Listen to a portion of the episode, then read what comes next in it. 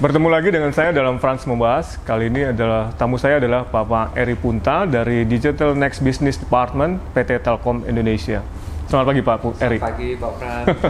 Apa kabar Pak? Alhamdulillah baik. Sehat ya? Alhamdulillah. ya, uh, PT Telkom uh, memiliki uh, semacam apa ya pengembangan bisnis lah ya dari sisi uh, digital khususnya untuk UMKM.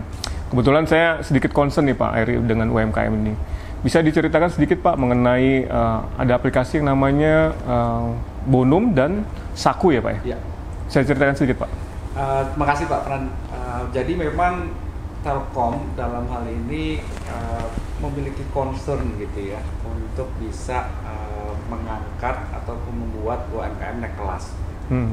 Sehingga uh, sejalan dengan transformasi digital yang tengah kami lakukan saat ini, di mana Telkom berupaya memang untuk berubah gitu ya hmm. di mana uh, kami sebagai telco ini uh, tentunya sudah mengalami banyak disruption nah salah satu halnya adalah uh, kita ingin merubah menjadi digital telco hmm. dan uh, sebagaimana dengan purpose kami gitu ya untuk memberikan manfaat bagi uh, masyarakat bagi Indonesia salah satunya yang mengemuka di sini adalah bagaimana kita bisa meningkatkan kualitas UMKM. Okay. Nah, Uh, jadi kami temu kenali. Begitu kita berhadapan dengan UMKM apa sih sebenarnya problem yang ada di UMKM nah UMKM ini memiliki uh, uh, beberapa problem yang kami lihat. Pertama uh, mereka membutuhkan saat uh, akses pemodalan. Oke. Okay. kemudian uh, kedua adalah uh, bagaimana uh, menyiapkan satu produk tersebut ya. Supaya produk tersebut memang uh, uh, jadi lebih baik. Yang berikutnya adalah uh, bagaimana setelah mendapatkan uh, produk tersebut itu akses marketnya. Hmm, okay. Jadi ada tiga hal. Tiga hal tersebut ya. Ya. Nah dari situ kami melihat, nah kalau umpamanya kita mau bicara untuk akses pemodalan, nah UMKM ini gimana sih caranya gitu? Hmm. Nah okay. tentunya paling sederhana, uh, semua akan menanyakan gitu uh, pemberi modal gitu kan nanya ini UMKM-nya uh, seperti apa sih hmm. sudah ada belum transaksinya sudah ada uh, yeah. sudah ada apa namanya uh, kegiatan bisnisnya lah ya kegiatan bisnisnya yang ataupun ya hmm. ada bukunya nggak sih yang tercatat lah ya tercatat mm -mm. nah kami melihat oke okay, yang paling sederhana adalah bagaimana membuat transaksinya semuanya tercatat mm -mm. transaksinya bisa kita uh, catat sehingga kami uh, menyediakan uh, aplikasi Bonum ini. Hmm. Bonum ini sebenarnya uh, kita nyebutnya kasir digital. Apa pak? Kasir. Kasir, kasir digital. Oke, oke. Okay, okay. Jadi yeah, yeah. Uh, di situ untuk pengelolaan mulai dari untuk uh, apa namanya uh, stok barangnya. Hmm, ya. Pada saat dia beli barang ya, terus ya, dijadikan stok. Betul. Catat gitu. Dicatat. Hmm. Jadi kan nanti uh, oh kita punya berapa stoknya. Hmm kedua uh, apa namanya uh, kalau ada transaksi setiap ada transaksi hmm. nah ini kita catatkan yeah. oh ini berarti nanti uh, kemarin stoknya belinya 10 misalnya yeah. terus dijual jadi 15 langsung otomatis tercatat ada berkurang ya di sana. Hmm. Um, stoknya berkurang dan marginnya juga, juga kelihatan yeah. jadi uh, pembukuannya jadi lebih baik hmm. Uh, juga uh, di situ ada yang menarik gitu ya. Tidak uh, apa tidak hanya yang sifatnya itu uh, transaksinya itu yang seperti yang apa namanya yang lazimnya itu kalau kita kenal dengan uh, apa namanya kalau di online kan ada COD segala macam. Yeah, yeah. kalau di sini tuh uh, apa yang biasa di masyarakat kalau namanya di warung gitu itu udah kaspon oh ada menunya juga ya? Ya jadi ini kita coba untuk deketin ke bagaimana sebenarnya uh, apa behaviornya yang yeah, ada yeah. gitu ya karena uh, di sini uh, apa namanya uh, hmm. untuk toko itu untuk bisa beroperasi seperti apa jadi catatan itu juga kita rapikan okay.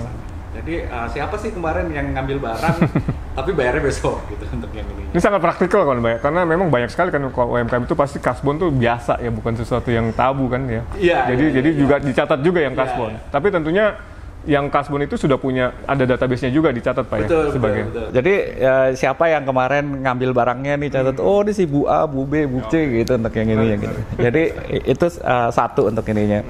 Eh, supaya apa? Supaya memang eh, rapi gitu ya untuk di sini. Terus kemudian eh, ada juga kayak apa namanya eh, satu fitur yang kalau mainnya satu toko itu yang tadinya dia hanya berjualan yang produknya dia sendiri gitu ya. Nah sekarang langsung kita bisa eh, eh, apa namanya bikin eh, UMKM ini jadi juga bisa menjual produk digital gitu. Oh, Oke. Misalnya apa eh, eh, voucher, Hmm. voucher pulsa, Iya, iya. eh, voucher game, listrik dan Langsung segala di situ macam ya, di situ gitu. sekali. Jadi ditambahkan selain yang dia punya juga ada itu. Ya, jadi ada nilai tambahnya juga untuk yang ininya. Artinya eh, begitu orang datang ke situ udah jadi one stop nih.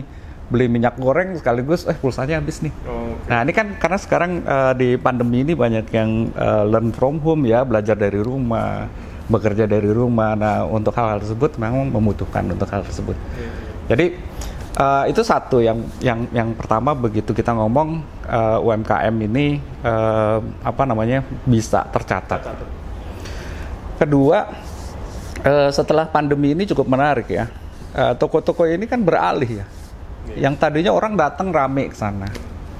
Nah, sekarang eh, banyak yang mulai eh, misalnya gini, order eh, gas, minyak segala macam mungkin ya per per telepon ataupun per eh, pakai messenger gitu ya. Pakai apa aplikasi pesan eh, apa instan gitu. Eh, tolong dong eh, gasnya habis nih. Ya, ya. Ada delivery gitu kan.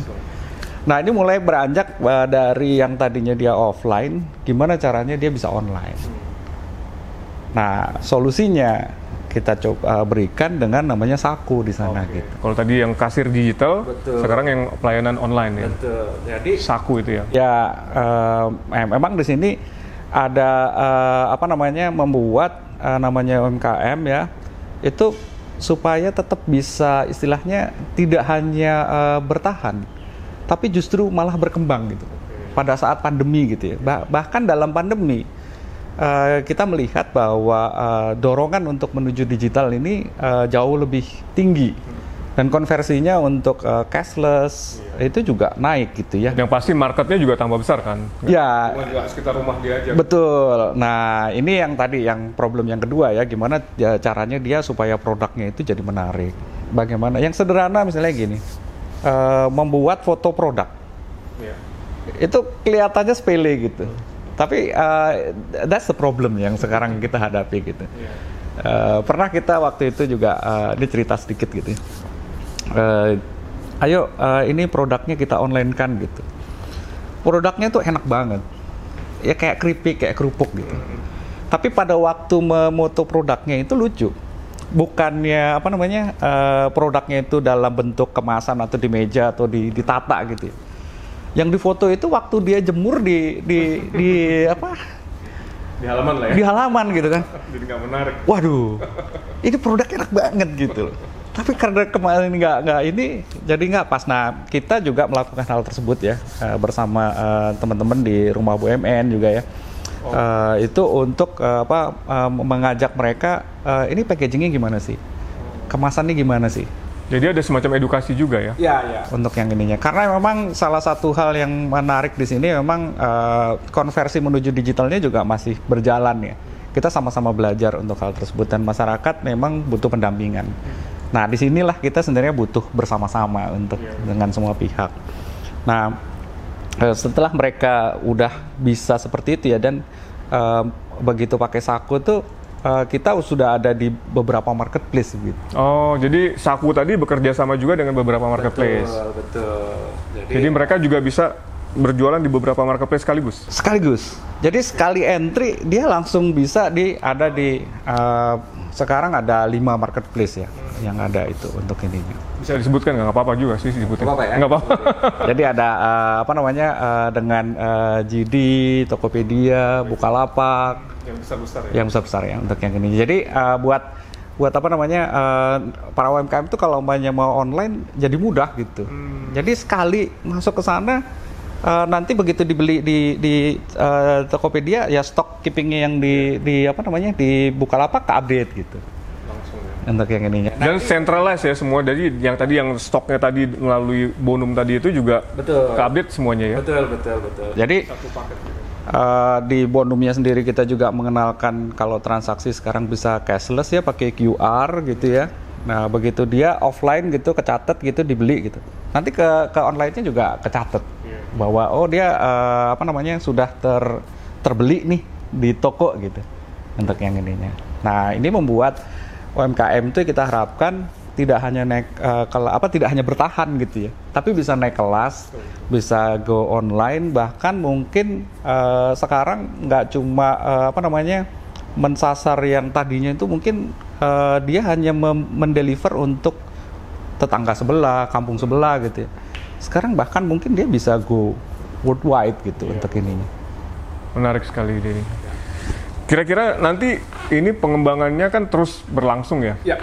Kira-kira lima tahun ke depan roadmapnya seperti apa tuh Pak? Uh, jadi begini, uh, kalau kita bicara untuk roadmap, jadi kita coba kembangkan ini secara digital ya, secara agile begitu.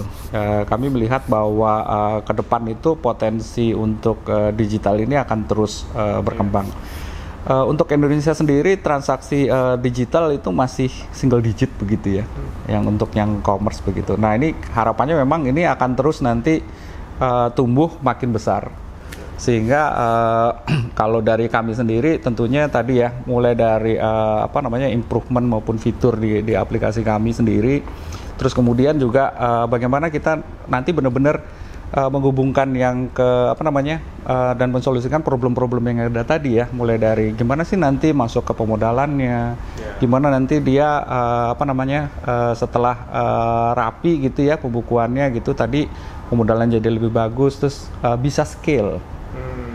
karena problem berikutnya adalah UMKM ini untuk bisa scale tentunya aplikasinya jadi berbeda lagi nanti betul, betul. kalau yang yang tadi kita siapkan memang ini untuk uh, istilahnya pemula ya untuk yang masih uh, baru uh, beralih untuk supaya jadi lebih baik.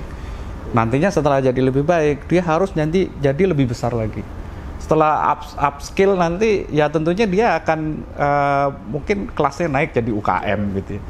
Setelah jadi UKM nanti jadi pasti kebutuhan untuk aplikasinya akan semakin besar lagi. Aplikasinya akan akan makin besar, kebutuhannya juga makin banyak. Misalnya tadinya gini, uh, yang kita berikan ini uh, bisa untuk mengelola satu toko gitu Nanti dia butuh untuk oh saya bisa untuk bisa uh, uh, memonitor uh, 10 toko enggak? 100 iya. toko enggak? Atau kalau misalnya dia mau buka cabang di kota betul, lain. Betul, untuk yang ininya dan uh, tentunya ownernya akan akan ingin uh, bisa memonitor keseluruhan ya kan. Jadi kan tetap aja uh, oh ini ada yang di Jakarta, ada yang di Bandung. Nah, kita tentunya berharap uh, apa namanya bisnis ini terus berkembang ya, terus membesar untuk ini dan uh, harapannya eh, kendala-kendala yang ada ini justru bisa kita solusikan gitu. Sehingga uh, tidak hanya mereka itu bertahan tapi lagi-lagi gimana caranya dia bisa skill gitu. Uh, kalau banyak ditanya ada nggak sih buktinya? Buktinya banyak gitu. Yang yang sekarang dalam kondisi yang uh, apa namanya uh, ya orang bilang mungkin di dalam pandemi itu ada orang yang mungkin mengalami kendala, tapi ada juga yang mengalami justru sebaliknya gitu. Ya, blessing. Gitu. Blessingnya gitu. Untuk gimana cari cari jalan untuk ya. di dalam kondisi seperti ini gitu, ya. Fran.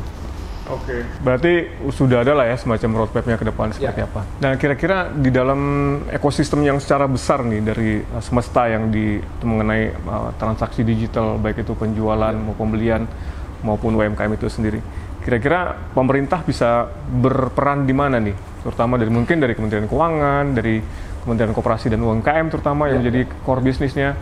Kalau nggak salah kan sekarang ini sudah ada peraturan pemerintah nomor 7 tahun 2021, di mana salah satu itemnya itu menyebutkan bahwa pemerintah tuh wajib menyediakan semacam aplikasi pembukuan sebenarnya untuk UMKM ini. Ya. Kira-kira bisa nggak kalau kita sinergi gitu dari dengan Telkom ini? Ya.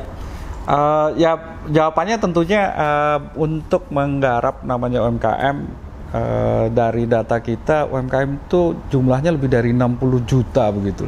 Pak Fran. Artinya kalau 60 juta itu uh, masyarakat yang terlibat di situ mungkin ratusan juta. Yeah. Jadi ini adalah satu ekosistem yang sangat besar. Dan tentunya uh, Telkom tidak bisa sendiri dalam hal ini. Uh, kita bekerja dengan uh, jelas dengan pemerintah juga dengan uh, bisnis-bisnis terkait termasuk UMKM maupun uh, di sini kita melihat ada perusahaan-perusahaan besar lainnya ya yang memang uh, juga concern terhadap uh, UMKM Uh, juga dengan uh, akademisi karena banyak hal yang memang kita harus uh, berikan untuk uh, apa namanya uh, gimana sih uh, pembelajarannya sertifikasi segala macam untuk ini. Juga uh, terkait dengan uh, pendampingan itu kita juga banyak dengan komunitas Pak Pran. Nah saya melihat peran pentingnya pemerintah di sini tentunya uh, uh, tadi ya sangat baik sekali uh, bila uh, memang uh, di situ sudah ada istilahnya ada uh, satu man uh, bukan sekedar mandat ya tadi ya, tapi ada suatu hal yang uh, sifatnya adalah pemerintah itu harus uh, menyediakan itu tadi ya. Nah, tentunya dalam menyediakan ini pemerintah bisa bekerja sama uh, dengan bisnis partner dalam hal ini salah satunya dengan uh, Telkom dalam hal ini. Misalnya tadi untuk uh, pencatatan tadi bisa memanfaatkan bonum gitu ya.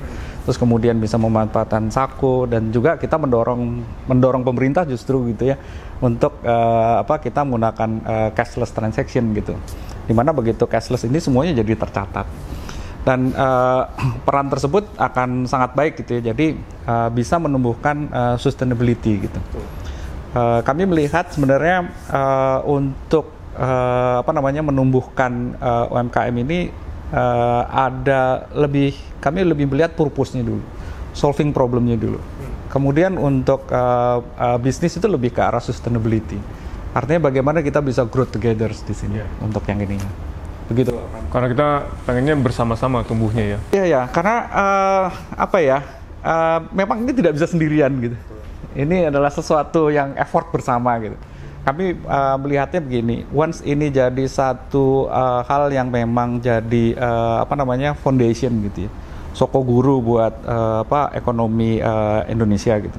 Ini jadi basis yang kuat, Pak. Iya. Tapi kalau umumnya hanya satu, satu gitu. Ini mungkin kalau satunya ini runtuh, seluruhnya. Tapi kalau umumnya ini naik, nah ini mungkin 2050 begitu kita bicara kita uh, apa jadi uh, golden eranya kita bisa tercapai gitu. Dan uh, apa namanya uh, ini harapannya memang menumbuhkan apa ya uh, uh, apa namanya uh, tadi bagaimana masyarakat ini jadi tidak sekedar mereka jadi apa ya uh, konsumen begitu ya tapi kita juga sesuatu yang memang hmm. bisa produktif begitu yeah. untuk ini.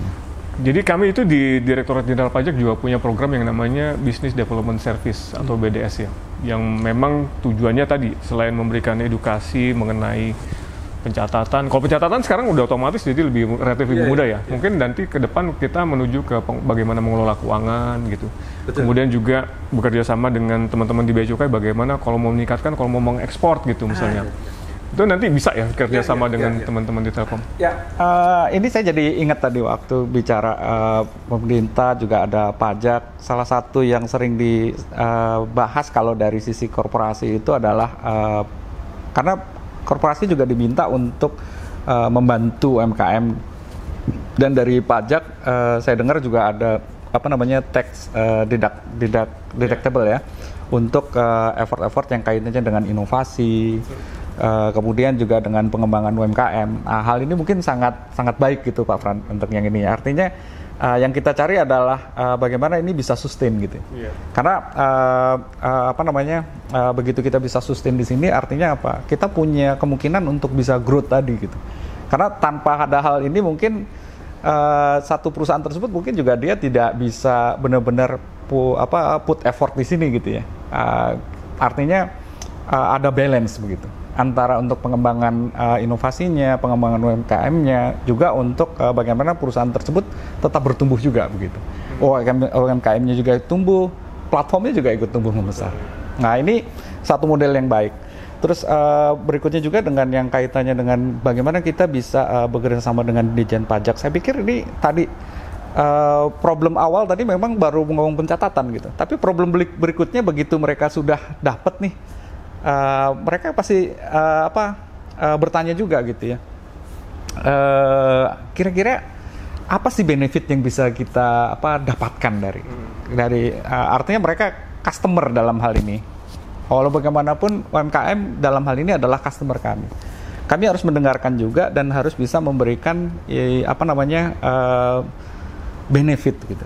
Nah dalam hal ini tentunya ini yang kita harapkan gitu. Ya, ya.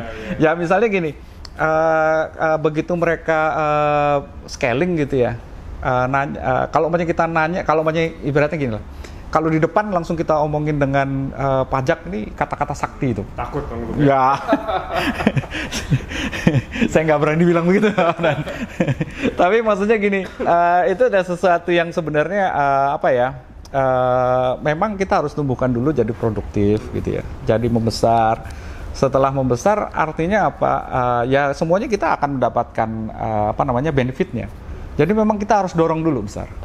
Nah, setelah mereka besar, problemnya berbeda pada waktu mereka uh, baru mau mulai. Nah, di sini baru nanti kita uh, masuk tadi.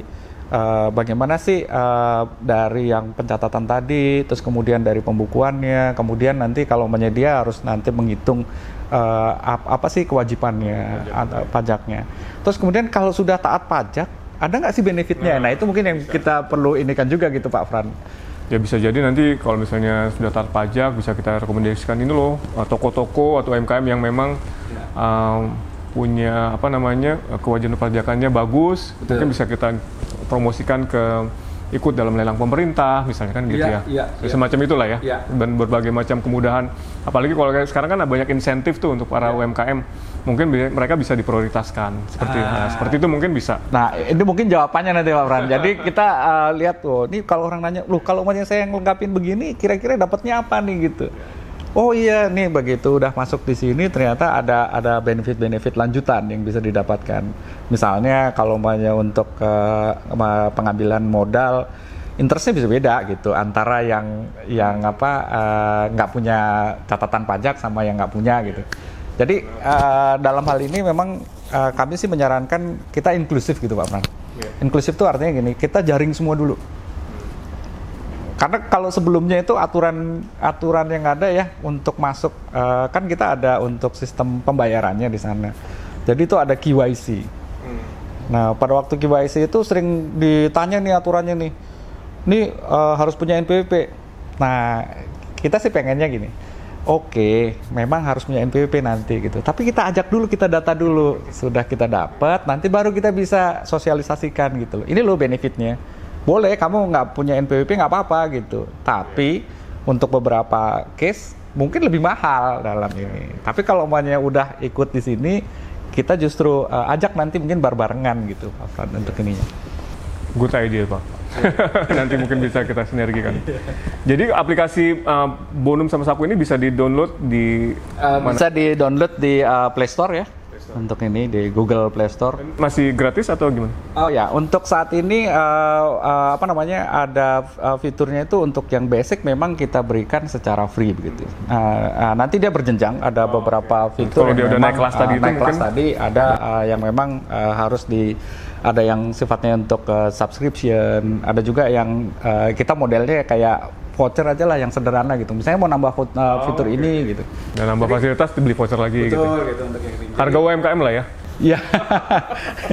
Karena kalau banyak kita ngelihat nih uh, apa ya, jangan sampai nanti untuk UMKM mau mau mau makainya aja ribet gitu. Iya, betul.